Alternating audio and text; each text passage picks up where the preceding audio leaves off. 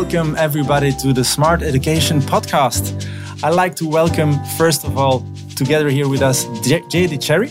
Uh, Jay is a, a, clinical researcher, also a, phys- a physical therapist, and uh, works as a, a biomechanical researcher. Um, he is from the United States, and he is one of the leading uh, guys in the United States when it comes to running and uh, uh, running mechanics. Um, so welcome, Jay. Thanks. I uh, suppose we can have a toast first with some good, fine Belgian beer. I'm in. Yeah. Thanks, Dan. A little drinking. okay. Cheers. Ready to go. Ready to go. How are you? I'm wonderful. Thanks yeah. for having me. Yeah. Having, great to be back. Had a good trip. Yeah. Great trip. It's not the first time we have you here with us. No. Yeah. Great to be back. It's Okay. a good. Uh, yeah. Awesome. And this time for three days in a row. Yep. Yeah.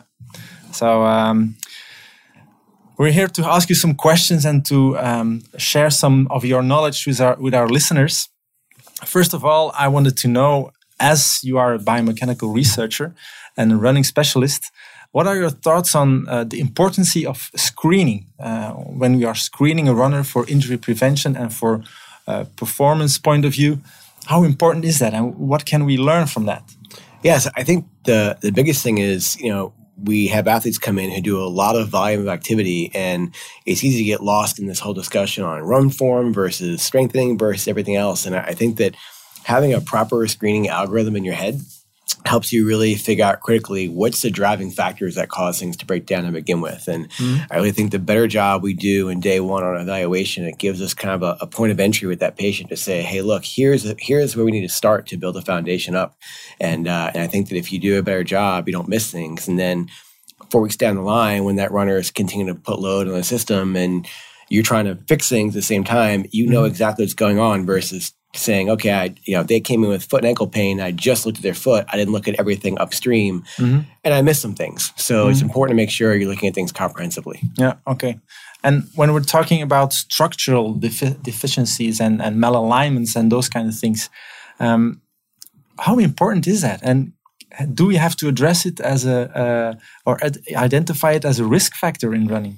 So I think that the key thing is you want to work we're not sure about that in research. When you look at research, Sure. Yeah. And I think it's it's the the big difference between, you know, you read a research study and a research study tells you an average result of a certain population and it doesn't mm-hmm. tell you how your individual patients can respond. And I think people get lost in the fact that if an athlete has, you know, toes out or toes in or or has a knee tracking this, you know, this way or that way, you have to look at how that individual's alignment is set up because you want to work with their body as best you can. Um, if, for example, if somebody has a high axis of inclination in their subtalar joint axis, they're going to have more transverse plane rotation than the quote average. If somebody has uh, external tibial torsion, you want to have them run with their feet pointing slightly out. So if you don't understand and assess those things during evaluation, you're not treating to an average, you're treating to each individual is optimal. that's a great uh, point of view. And when it comes to uh, creating an exercise program uh, after you did a screening, uh, uh, if we give exercises to runners, how do you think we're going to be successful? Uh, what are the most important things to look at? Because I know from your course last year, you are very fond of getting the basics right first.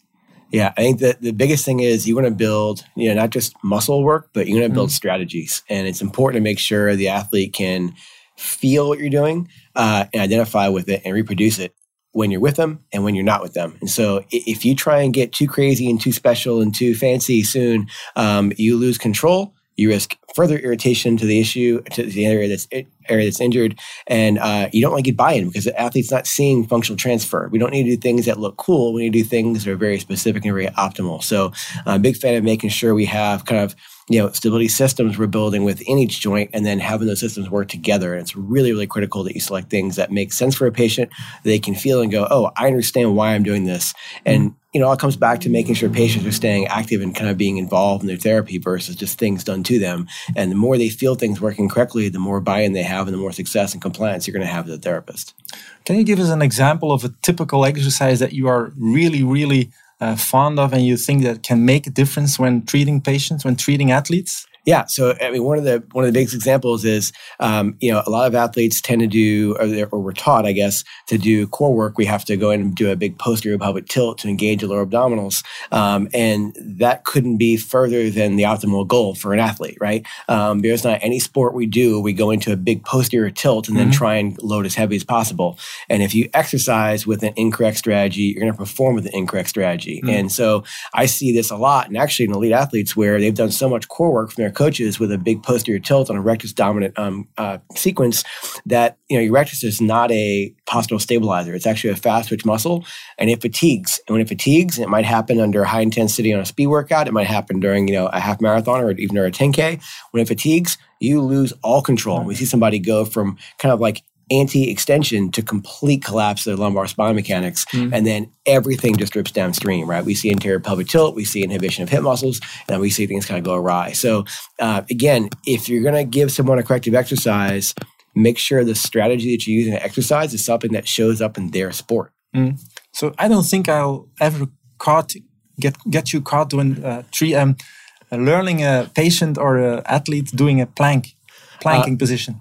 Yeah. So I think that, you know, if you're going to do a plank, what things do you do in sports that are isometric, right? I mean, a plank doesn't, I say it doesn't have its role running to learn not really things. isometric. Right. Running's yeah. not isometric. So, you know, if you're going to do a plank, how about a plank with some rotation bias, a plank with a, you know, some type of, of, of control challenge to really make sure athletes understand and feel things because isometrics are great to get muscles involved, but they don't transfer to strategy. And we know that if we don't change a reflexive strategy of how we move, you're not going to get carryover that muscle strength into activity. So we have to learn through movement. Yeah.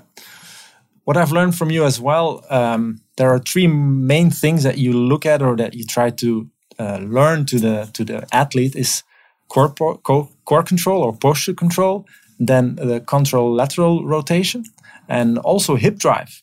What about that last one? How important is that in propulsion and in um, to perf- towards performance as well. Yeah, uh, huge. I mean, I think you know. Let's face it. The, the, vast majority of runners we see have one main problem. They all tend to overstride, right? And so, mm-hmm. um, I think most individuals who aren't trained, uh, and by trained I mean working with someone who's given them a program, um, tend to be very quad dominant. And so, the way you move is the way you run. And so, um, your athletes who tend to be quad dominant, they love to use their quad muscles. They tend to overstride with push more loads than knee muscles, and we have this kind, you know, never ending cycle. And we wonder why why the highest incidence incidence of injury is patellofemoral pain, right? So, mm-hmm. um, you know, it's important to make sure that we're building an isometric strategy. Um, further, you know, when you put the knee forward, you not only do you overload the quad, but you, uh, you, you overload the, the, knee, but you also don't get control, right? The hip muscles are nice because, uh, mm-hmm. yes, they're involved in propulsion, but they also control steering mechanics for the lower quarter. And they also have a big role in posture, like you, talk, you talked about. So yeah. we're trying to create a strategy of movement and, um,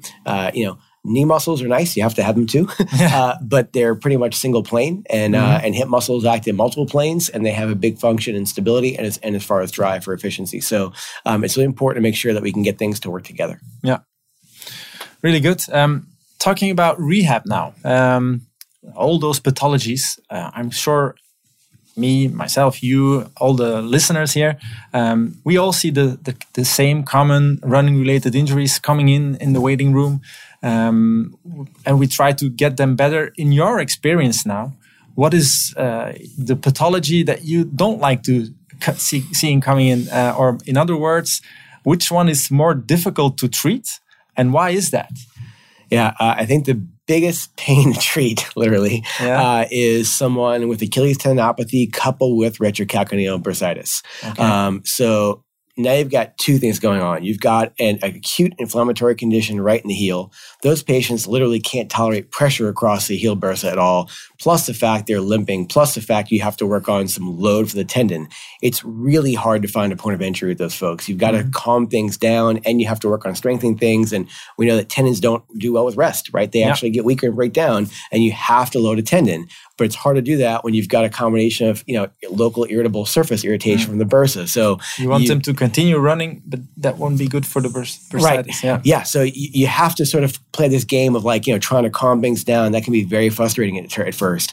Um, now the good news is once the bursitis, bursal irritation calms down, then you can get back into a formal plan for the tendon. And, and I think the the biggest knock on runners is that you know they want the quick fix for Achilles tendinopathy. And I tell people with tendon pain, we'll get you better. I have no doubt this will resolve we have to think in terms of months, not days, right? Mm-hmm. Um, you know, it, it, takes a while for the body to actually remodel and to and to get better, and, and that will happen. You have to load a tendon properly, but if you've got the inflammatory condition on top, it's tough. Okay, okay.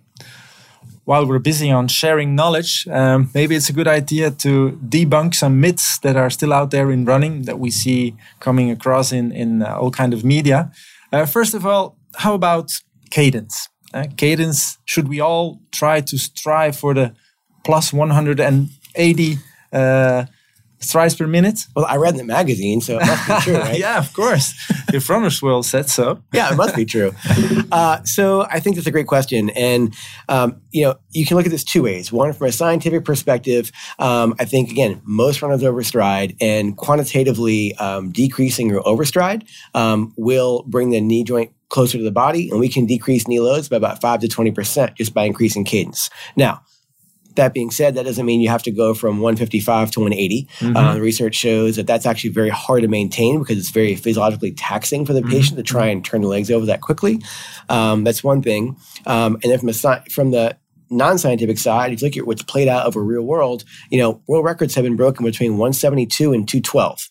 So you have a pretty wide range there of what works. Yeah. And and just because you can run 180 steps per minute or 200 or 179 doesn't mean that you're going to win a gold medal either, no. right? So I, I think that you know looking at your turnover is a very effective strategy. And I always tell folks if you're running, you know if you're running, you know, an easy pace with a pretty low cadence in the one, you know, 150s and low 160s, it's probably worthwhile to start to bump up that patient's uh, cadence rate. Um, but there is no holy grail to hit, right? No. And so um, cadence rate is tremendously individual based upon your body weight, your speed, your soft tissue density. Uh, the you have tightened the, the, the kind of the, the, the, kind of the structure of our of our cells. Um, that's very individual specific DNA, right? And so mm different people have stiffer systems, you know, at different cadences than people with less stiffer stiff symptoms, yeah. uh, symptoms, and that's fine, right? Yeah. So uh, there's some variability there. I think that as long as you're within a window of you know low 170s to mid 170s for easier runs. And as that speed increases, that cadence is going to increase too. Yeah. So um, it's important to look at, but it's not the only factor. No. In my opinion, it's always uh, possible to ask your runner to increase your step rate by 5 or 10%. Right. Not looking at uh, numbers and going for the 180 because the, the books uh, are telling you so, the magazine is telling you so, but work with individual percentage. Yeah. And, yeah. and, and give and, them time to adapt. Right. And the biggest thing too is not just shortening the overstride, but also working on getting propulsion out the backside. I think one of the discussion on cadence has led runners to just taking a bunch of short, choppy steps, and uh, that's definitely better to improve econ- uh, joint stress, but our economy suffers. So, mm. uh, yeah, I always tell folks you're, you're, striving for a tight swing of your pendulum. When you think about the front to back swing of your leg, you want to have your leg contact close to your body, and if it's overstride, sure, cadence is a tool to increase percentage, um, but you want to bring things in that comes from strategy more than just a number. Mm from contact on the ground to foot strike. That's another myth. Should we all go for the forefoot strike? Yeah, uh, great question. Again, I read that in Runners World too, so I guess I should. uh, born to run. yeah. so um, I, again, very few things hold true always for everyone, and and I think that in my research, I've seen that it's okay to have a forefoot, a midfoot, or a rear foot strike. Uh, mm-hmm. I don't really cue foot strikes. People have preferences there, and, and it's really hard to change that. Um, and your foot strike pattern changes with differences in speed uh, mm-hmm. and different surfaces and different uphills, downhills, etc. So I don't cue a foot strike, but the key thing is to have the foot to land as close to your body as you can for a given speed. Mm-hmm. So if you're contacting in your forefoot, midfoot, or rear foot out in front of you too far, that's not going to be the best thing. If you're contacting close to you on a rear foot, midfoot, or forefoot, I'm much happier. Okay, okay, that's very clear. Yeah, maybe a last one. Yep. Okay. Um, how about shoes? That's another subject. Um, I still remember you saying once, and I find it a very nice phrase: "Shoes are tools." What do you mean by that?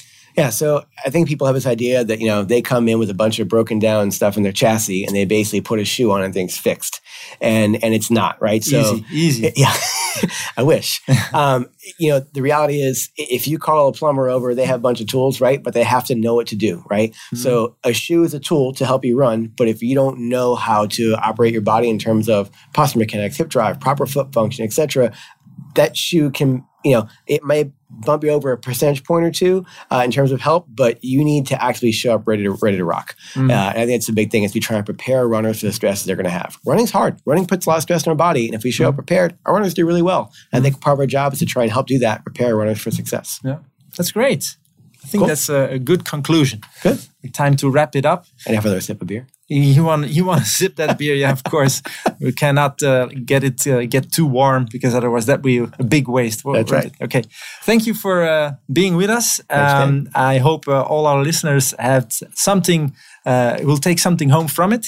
Um, we will be here uh, tomorrow again, and then Yeah. we will talk all about the foot. But that's uh, another course. Uh, I wish you all the best with uh, your book as well. Thank I you. have to say, I have to mention this that Anatomy for Runners, the one that be- came before the Running Rewired core, uh, book, um, I like a little bit more than, than the one because maybe it was because it was the first. Uh, but on the other hand, the Running Rewired uh, book gives you a lot of, uh, I think it's 15 programs uh, working on uh, strength training. Um, I, should, I, I can recommend it to everybody working with runners as a physio uh, and also to, for trainers to have a better idea and understanding of how uh, running really works biomechanic- biomechanically. so, Jay, Yep. Appreciate it. see you back next year. We'll be here. Of course. Thanks. Thanks, guys.